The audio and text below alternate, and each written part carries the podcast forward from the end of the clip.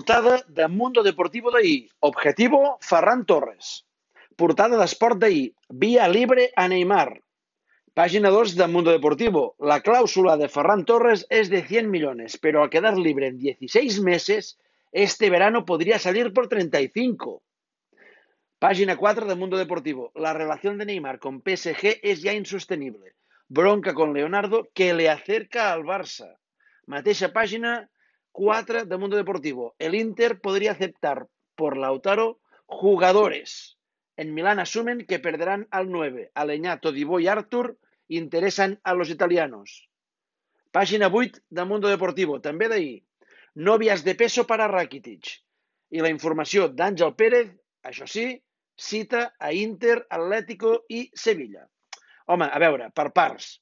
Ferran Torres, de 100 milions a 35, uh, ahà, eh? el València. El mateix València que només només ens va cascar 55 milions per André Gómez, perquè el tanto era una oportunitat de mercat.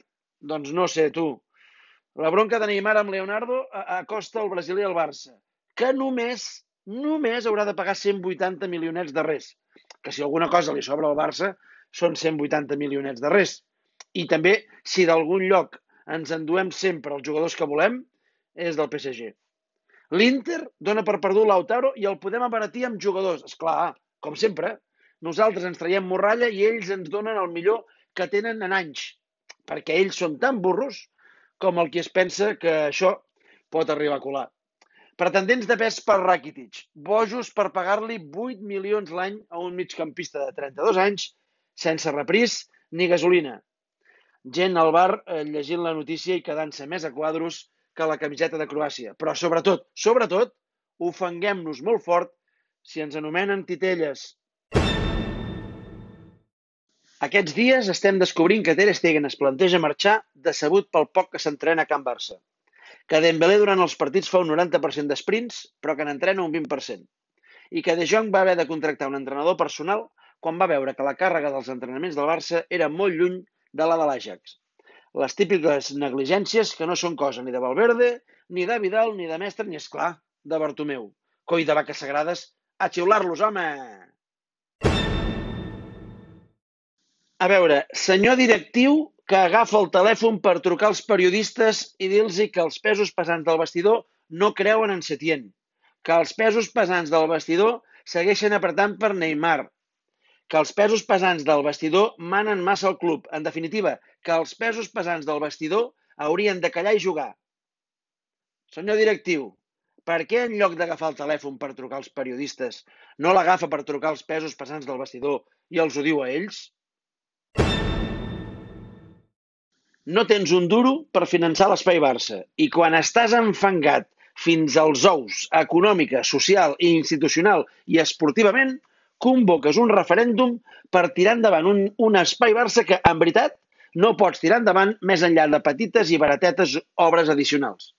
I això amb quina voluntat? Amb quina intenció? Suposo que no serà amb la intenció de vendre el referèndum, a posteriori i sempre que s'hagi tirat endavant, com un plebiscit a la Junta. És a dir, no es tractarà de guanyar un plebiscit. Recordeu que tot això el Barto ho fa perquè és bo pel Barça, no com els dolents, que farien el que fos per governar el Barça, tu.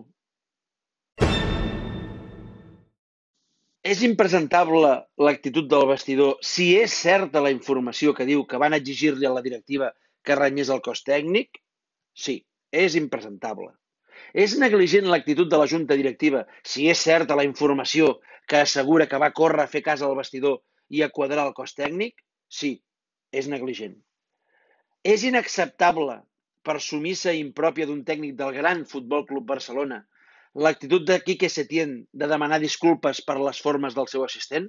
Sí, és inacceptable. Però com a mínim en aquest cas no dubtem de la notícia, perquè ho hem escoltat de veu del protagonista.